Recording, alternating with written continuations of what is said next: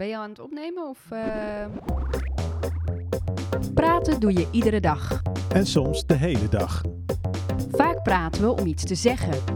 Maar zelfs als we niks te vertellen hebben, dus ja, zegt hoe we praten al een hele hoop. Over wie we zijn Of hopen te zijn. en over hoe we woorden geven aan de wereld rondom ons. Mijn naam is Hanneke Baks. En ik ben Tim Bosselaar. Dit is Zeg. Zeg. zeg. Een podcast over hoe we klinken en waarom. Zeg, Hanneke, Ja, zingt jouw moeder in een koor? mijn moeder zingt in een koor. Oké, ja, die van mij dus ook. Oké, toevallig. Ja, dat vraag ik me dus af of dat wel zo toevallig is. Ik heb namelijk het idee dat van heel veel mensen de moeder in een koor zingt. Heb je dat ook, dat gevoel? Nou ja, als je naar jou en mij kijkt, is het al 100%. Ja, maar ken je nog meer mensen in je omgeving die een moeder hebben die in een koor zingt? Ja, ik denk wel dat ik het wel om me heen hoor. Maar ik zit ook weer te denken dat ik met best veel mensen werk die in een koor zingen. En dat zijn meestal vrouwen van een bepaalde leeftijd. En zijn dat dan ook moeders? Vast wel. Hmm. Nou, dat, dat lijkt me wel een goede vraag om vandaag eens te bekijken. Waarom zingt je moeder in een koor? Eh, weet je eigenlijk waarom jouw moeder in een koor zingt?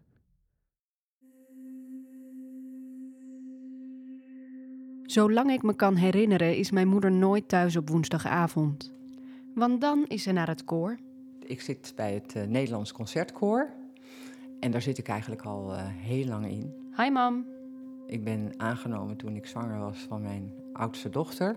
mijn zus. Nou, die is inmiddels 34 wordt ze. Ik vroeg haar waarom ze al zo lang naar het koor gaat. Dus ik vind het ook heel erg fijn om één dag in de week echt iets heel anders te hebben dan mijn werk. En zingen, ja, samen zingen vind ik ook heel erg leuk. Dat je bij elkaar komt om te zingen. Je gaat niet praten of zo. eh, Je, je moet zelfs je mond dicht houden eigenlijk de hele repetitie. Je gaat muziek maken met elkaar. En eh, het is heel ontspannend. Ik ga er wel eh, met hoofdpijn soms naartoe. En dan aan het eind van de avond is de hoofdpijn weg. Ja, ik ben geen solist. Dat, ik, ik heb niet zo die behoefte om solo te zingen. Ik zing, ik, ik zing wel op zangles en dan hebben we een, een leerlingenavond om solo te zingen. Vind ik wel ook leuk. Maar ik vind het in een koor zingen vind ik toch wel leuker. Ik vroeg mijn moeder naar haar mening of ideeën omtrent eh, de titel van deze aflevering. Waarom zingt je moeder in een koor? Moeders bedoel je? Speciaal moeders of, of vrouwen? ik weet niet, ja, ik weet niet of het speciaal veel moeders zijn, maar er zijn wel beslist veel vrouwen die moeder zijn bij ons in het koor. Ja, speciaal moeders, dat, ja, dat, dat, ik, ik zie de mensen niet als moeder eigenlijk die in het koor zitten. Het zijn gewoon allemaal vrouwen voor mij. Oké, laten we het dan over vrouwen hebben. Vrouwen zijn misschien wel wat meer trouwer. Dat ze, zij iets meer het op kunnen brengen om iedere week naar een koor te gaan. En mannen werken naar verhouding meer. Vrouwen zijn toch meer de parttimers dan de mannen. Die hebben meer fulltime banen. Wat ook opvalt bij een repetitie, dat, dat de mannen het altijd net iets minder goed eh, kennen, de partij, dan de vrouwen. Dus de vrouwen zijn daar toch wat, wat trouwer in. Ja, lastig, maar het, het is wel zo. Dat, gelukkig hebben wij heel veel mannen in het koor. Ik weet dat heel veel koren daar eh, wel problemen mee hebben om genoeg mannen te krijgen. Ja. Dat vind ik ook wel leuk aan het koor, want het klinkt gewoon wel heel erg mooi als je er met elkaar aan het zingen bent. Dat al die partijen ja, mooi tot hun recht komen eh, als je dan eh, het samen zingt. Dus dat is wel heel erg leuk. Helder. Het klinkt mooi. Het is leuk. Het is leuk om samen te zingen. En het kan ook nog eh, als alternatief voor paracetamol dienen. Tot slot vroeg ik mijn moeder nog of ze dat zingen van een vreemde heeft. Ja, mijn moeder zong ook in een koor. Zingen dan echt alle moeders in een koor? Laten we de theorie induiken. De meest recente cijfers hierover, van 2015, laten zien dat 4,5% van de Europeanen in een koor zingt. Dat zijn meer dan 22 miljoen mensen. In Nederland, waar we van clubjes en verenigingen houden, ligt dat percentage nog een stuk hoger. Van de Nederlanders zingt maar liefst 10,7% in een koor. In Europa zingen alleen de mensen in Oostenrijk nog iets meer in een koor. En wereldwijd is dat Amerika. Nederland staat dus op nummer 3 van de grootste korendichtheid ter wereld. Van al die zangers in koren is twee derde tot driekwart vrouw. En als je dan gaat rekenen, dan kom je er ongeveer op uit dat 15% van alle vrouwen in Nederland in een koor zingt. De gemiddelde leeftijd van koorzangers ligt wat hoger. Dus de kans dat je dit luistert en een moeder hebt die in een koor zingt, is dus puur getalsmatig eigenlijk al vrij groot. Maar dat zegt nog niets over het waarom. Er is onderzoek dat hier misschien iets meer over kan zeggen. Aan een groep koorzangers werd gevraagd of ze het idee hadden baat te hebben bij het zingen in een koor. De meesten vonden van wel. Ze gaven aan sociale, emotionele en fysieke voordelen te ervaren door het zingen. En vrouwen rapporteerden dit soort positieve effecten veel vaker dan mannen. Laten we verder kijken naar deze voordelen. Tijdens een groot Europees congres over stem sprak ik met Gertie Savelkool. Gertie is dirigente van een heel bijzonder koor, genaamd Zing Along. Het is een koor voor mensen met diverse longaandoeningen, zoals astma, COPD, bronchitis of mensen met allergieën waardoor ze veel moeten hoesten. Tijdens de repetities doen ze allerlei adem- en stemoefeningen en gaan daarna lekker zingen. In heel diverse stijlen. Van gospel tot oud-Hollandse liederen, tot jazz, tot klassiek. Iedereen is welkom. Er zijn al geweldige resultaten behaald. Ehm, sinds uh, we zijn begonnen, dat is nu uh, ruim een jaar geleden. Uh, van die 15 mensen hebben mij twee personen verteld dat ze geen buffers meer gebruiken. Wow. Dat ze veel meer conditie hebben, dus wel zonder buiten adem te raken, de trap op kunnen lopen. Uh, en, en de meeste mensen hebben uh, dat in ieder geval dat, ze adem, dat het ademvolume is toegenomen. Ze kunnen makkelijker fietsen, lopen, traplopen. maar die twee mensen gebruiken dus ook geen corticosteroïden meer. Dat zijn die inhaal uh, inhalators, zeg maar, om je luchtwegen te verwijden. En er zijn ook twee mensen die zijn ontslagen bij de longarts. Die hoeven nooit meer terug te komen. Want die zegt van je longen zijn in zo'n goede conditie en dat is echt binnen dat jaar gebeurd. Dus wow. uh, ik heb het helaas niet allemaal getest. Dus het is wetenschappelijk niet uh, echt te onderbouwen. Maar het zijn wel hele mooie ervaringsverhalen van de mensen. Um, ik noem dat eigenlijk, ja, is dat nou secundair het, uh, het, doel van het koor of primair? Ik weet het niet. Wat, wat vooral ook ontzettend fijn is, is dat het een hele hechte groep is uh, geworden met veel lotgenotencontact. En uh, de mensen worden zo ontzettend blij van, van het zingen. Ze gaan zingend ook in de auto naar huis. Het samen genieten van uh, de muziek waar je zo blij van kan worden. En natuurlijk ook voor je, voor je endorfine in je hersenen. Want ja, dat, dat stofje wordt, wordt echt aangemaakt als je gaat zingen. Dat is bewezen. En ja, dat, dat zie je gewoon gebeuren. Oké, we maken dus endorfine aan. Het gelukshormoon. Mensen gaan blij naar huis. En daarnaast is het dus ook nog eens heel goed voor de adem. Dus, is het echt waar wat ze zeggen? Zingen is gezond. Ja, hoewel ik het altijd lastig vind als mensen dan daar helemaal een ding van willen maken. Zingen is gezond, iedereen moet maar zingen. Dan denk ik, nee, zingen is gewoon ook heel lekker. Je moet er gewoon lekker van genieten. En als je het niet doet, nou, doe het dan lekker niet. Dit is Ferra. Ik ben Ferra Heskin en ik uh, ben zangdocenten, koordirigenten en uh, muziekdocent. En Ferra heeft twee koren. Of uh, zeg je dat zo? Heeft twee koren? Ik dirigeer twee koren, is misschien de meest correcte term. Maar uh, ja, ja, in mijn praktijk is het, ik heb twee koren. Want twee keer in de week heb ik een koor dat ik moet dirigeren. En ik maak daar ook zelf alle arrangementen voor. En ik heb ze ook allebei zelf opgericht. Dus dan krijg je ook wel meer met ik heb twee koren, denk ik. Mijn koor op maandagavond, dat heet Birdpack en dat zijn alleen maar vrouwen. En mijn koor op woensdag heet The Bees en dat is jaren 60 en 70 muziek. Uh, en daar zingt onder andere mijn moeder in. Dus in één van Verra's koren zingt haar eigen moeder. Nou, als er iemand is die antwoord zou moeten kunnen geven op de vraag waarom zingt je moeder in een koor, dan is het Verra wel. Maar ze vindt het een beetje een stomme vraag. Omdat het voor mij samenhangt met het, het imago dat dus alleen maar moeders in een koor mogen zingen. En ik vind dat koren veel cooler zijn dan alleen maar moeders die in koren zingen. Ik denk dat er eh, een soort imago-probleem is met koren. Ik denk dat heel veel mensen denken dat in een koor zingen gelijk alleen maar heel suf is en met pasjes en eh, dat je dan allemaal dezelfde kleren aan moet doen, weet je wel, in het zwart met een kleuraccent. Daar heeft nooit iemand zin in en niemand ziet er goed uit. Maar ja, dat is dan het beeld wat mensen hebben van koren. Ik vraag me wel af waarom. Uh, ik wil graag een wedervraag stellen eigenlijk. Mhm. Want jullie, ja, jullie vraag is waarom zingt je moeder in een koor?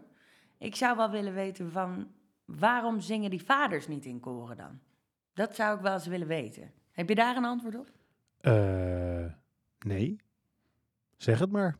Ja, ik denk dus omdat alle moeders al in de koren zitten. En dan moeten zij voor de kinderen zorgen. Nee, ik denk dat het meer te maken heeft met dat uh, mannen toch eh, over het algemeen spannender vinden om te zingen. Ik denk toch dat het bij vrouwen meer sociaal geaccepteerd is dat je in een koor zingt. En bij mannen is het toch altijd, nee, ja, ik tennis al. Of zo. En dat is het dan. Oké, maar dat verklaart misschien waarom niet zoveel mannen in een koor zingen. Maar waarom die vrouwen dan wel? En vooral, waarom zoveel moeders? Nou ja, ik ben zelf geen moeder, dus ik weet niet, ik kan er misschien niet helemaal eerlijk antwoord op geven. Maar uh, als ik om me heen kijk naar vriendinnen van mij die bijvoorbeeld kinderen hebben, dan merk je wel dat hun hele leven ongelooflijk verandert op het moment dat er een kind komt kijken. En dan wordt s'avonds de kroeg in met vrienden gewoon niet meer echt iets wat je kan doen. Zeker in het begin niet. Maar een vaste uh, verplichting eens in de week. Verplichting is een vaste sociale ontmoeting in die zin, wat een koor natuurlijk ook is, kan dan wel vaak. Dus het is ook een manier om een sociaal leven te behouden, ook al ben je een jonge moeder. Nou nee, vanavond kan ik niet de kinderen in bed leggen, want ik moet naar koor. Zou dat het dan zijn? Gewoon praktisch om eventjes de deur uit te kunnen? Grappig. Mijn eigen moeder, die ook al tijden in een koor zingt, begon daar ook al over. Nou, één reden is denk ik dat ze het lekker vinden om uh, iets simpels buiten de deur te doen. En dan ook heel erg leuk vinden om uh, anderen te ontmoeten en even al het geuttel van thuis achter zich te laten. Maar toen mijn moeder begon met zingen, waren mijn zusje en ik al een stuk groter. En zat ze dus niet meer thuis met geuttel. Blijkbaar had ze zelf andere redenen om te gaan zingen. Bijvoorbeeld, je bent doodmoe, je hebt keihard gewerkt de hele dag. Dan denk je, oh, zal ik nog wel naar koor gaan? En eigenlijk zodra je je eerste ontspanning en inzingen, dan voel je al dat er ruimte ontstaat in je hoofd, in je lijf. En aan het eind vanavond kom je altijd weer met energie, sta je buiten. En ze benoemt ook nog een ander punt waar zingen en het moederschap elkaar lijken te raken. Ik was zelf geneigd vanaf het eerste moment dat ik een baby in mijn armen had om al de baby toe te zingen en langzamerhand allerlei gedachten en verhalen die in me zaten, om die zingend met kinderen te delen. En ik merkte dat de kinderen daarop reageerden en ja, dat je uiteindelijk met zingen een heel uh, vrolijk en, uh, en fijn contact hebt. Dat herken ik wel, nu ik zelf ook vader ben. Ik herinner me de verloren uurtjes in het midden van de nacht, zingend tegen een kind dat maar niet wil slapen. Dat zingen smeet een band, denk ik, tussen ouder en kind. En die band die is er ook wanneer je samen zingt, met wie dan ook. Dat is een aspect van het zingen in een koor dat iedereen die we ernaar vroegen benadrukt. Het schept blijkbaar een gevoel van saamhorigheid. Dit koor waar ik op zit, dat bestaat echt al 25 jaar. Nee, 26 jaar al. Dus dat, uh, en het voelt als een familie. Als er iets aan de hand is, dan weet je dat van elkaar.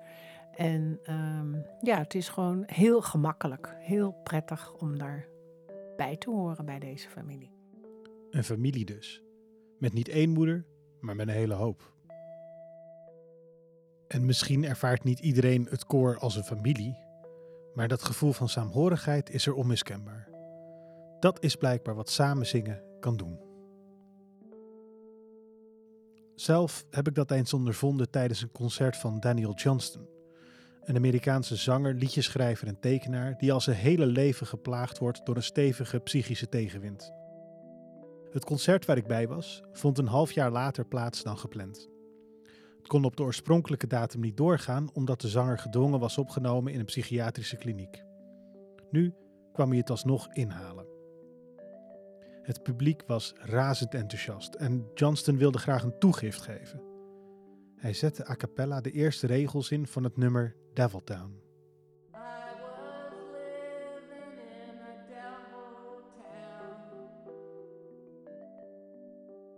En toen bleef het stil. Hij wist zijn eigen tekst niet meer. Maar de stilte duurde een seconde, hooguit. En toen begonnen we, als vanzelf, vanuit het publiek te zingen. Het publiek zong zijn toegift voor hem en met hem.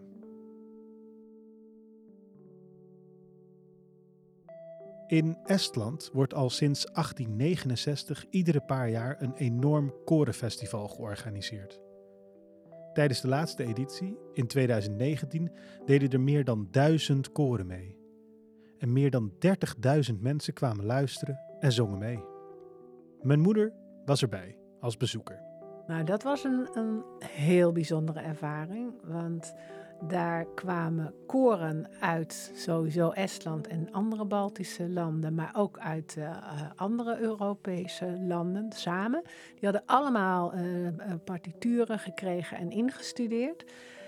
Ik denk dat er zo'n, nou misschien echt wel 30, 40.000 mensen allemaal in één stadion uh, samenkwamen. En er was er een gigantisch groot podium. En dan stond er telkens opnieuw een dirigent voor een van de stukken. En dan werd er door een hele grote groep koren tegelijk werd het uitgevoerd. Meerstemmig, soms ook uh, uh, eenstemmig, alle soorten liederen. En dat gaf zo'n geweldig gevoel van verbondenheid. En die klanken die werden steeds mooier. Er stonden heel erg veel mensen uh, zaten en stonden in het stadion eigenlijk te luisteren. En iedereen raakte in een soort gevoel van gemeenschappelijkheid. Jong, oud, zaten hele gezinnen bij elkaar op het gras en te kijken en te luisteren. En uiteindelijk bij heel veel stukken stond iedereen samen te zingen. Prachtig. In Estland menen ze zelfs hun onafhankelijkheid van de Sovjet-Unie deels te danken te hebben aan het samen zingen. Tussen 1988 en 1991 voltrok zich daar de zogenoemde Zingende Revolutie. Op verschillende momenten en verschillende plekken werden spontaan door onwaarschijnlijk veel mensen verboden liederen gezongen. Met als een van de hoogtepunten het vormen van een menselijke keten tussen de hoofdsteden van de drie Baltische staten in 1989. Een slinger van 2 miljoen mensen over een lengte van 675 kilometer. Zingend. Oké, zingen is gezond. Ja. Je wordt er blij van. Oké. En het creëert saamhorigheidsgevoel. Ja. Dus als ik het zo hoor, met al die voordelen, moeten we misschien met z'n allen gewoon veel meer gaan zingen. Gewoon iedereen. Ja, mannen, vrouwen, verenig je en ga zingen. Ja. Uh, maar wat dan? Wat moeten we gaan zingen? Het volkslied? Ja. Dat is echt zo'n stom deuntje. Vind je? Ja, vind ik echt. Oké. Ik, vind, ik, vind, ik vind een saaie melodie, stomme tekst. Hm. Weet, je, weet je wat misschien een goed idee zou zijn? Dat heb ik altijd zo in december. Vraag ik me af hoe het zou klinken als je een heel stadion hebt. Dat dat ene Sinterklaasliedje zingt. Dat, uh, en dan vooral dat, dat stukje. Ja, hij rijdt door donkere nachten op zijn paardje, oh zo snel. Dat zou toch... Zie je het voor je? Gewoon een heel Ik het stadion voor dat me. dat Ja. uit volle borst spreelt. Oké, dus eh, om de wereld te verbeteren, dan eh, stellen wij bij deze een nieuw lied voor. Ja, gaan we regelen. Ja,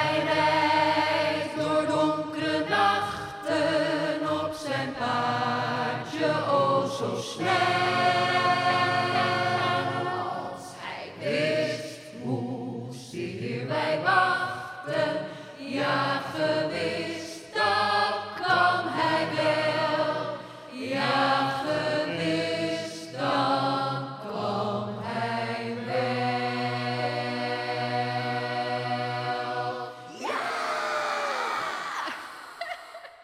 Dit was Zeg. Vond je het leuk? Zeg het voort. Vertel het aan je vrienden. Like ons op Facebook. Volg ons op Instagram. Laat een recensie achter op iTunes. Je weet wel. Oh ja, ook heel belangrijk. Abonneer je. Zeg wordt gemaakt door Hanneke Baks. En Tim Posselaar. Volgende maand een nieuwe Zeg.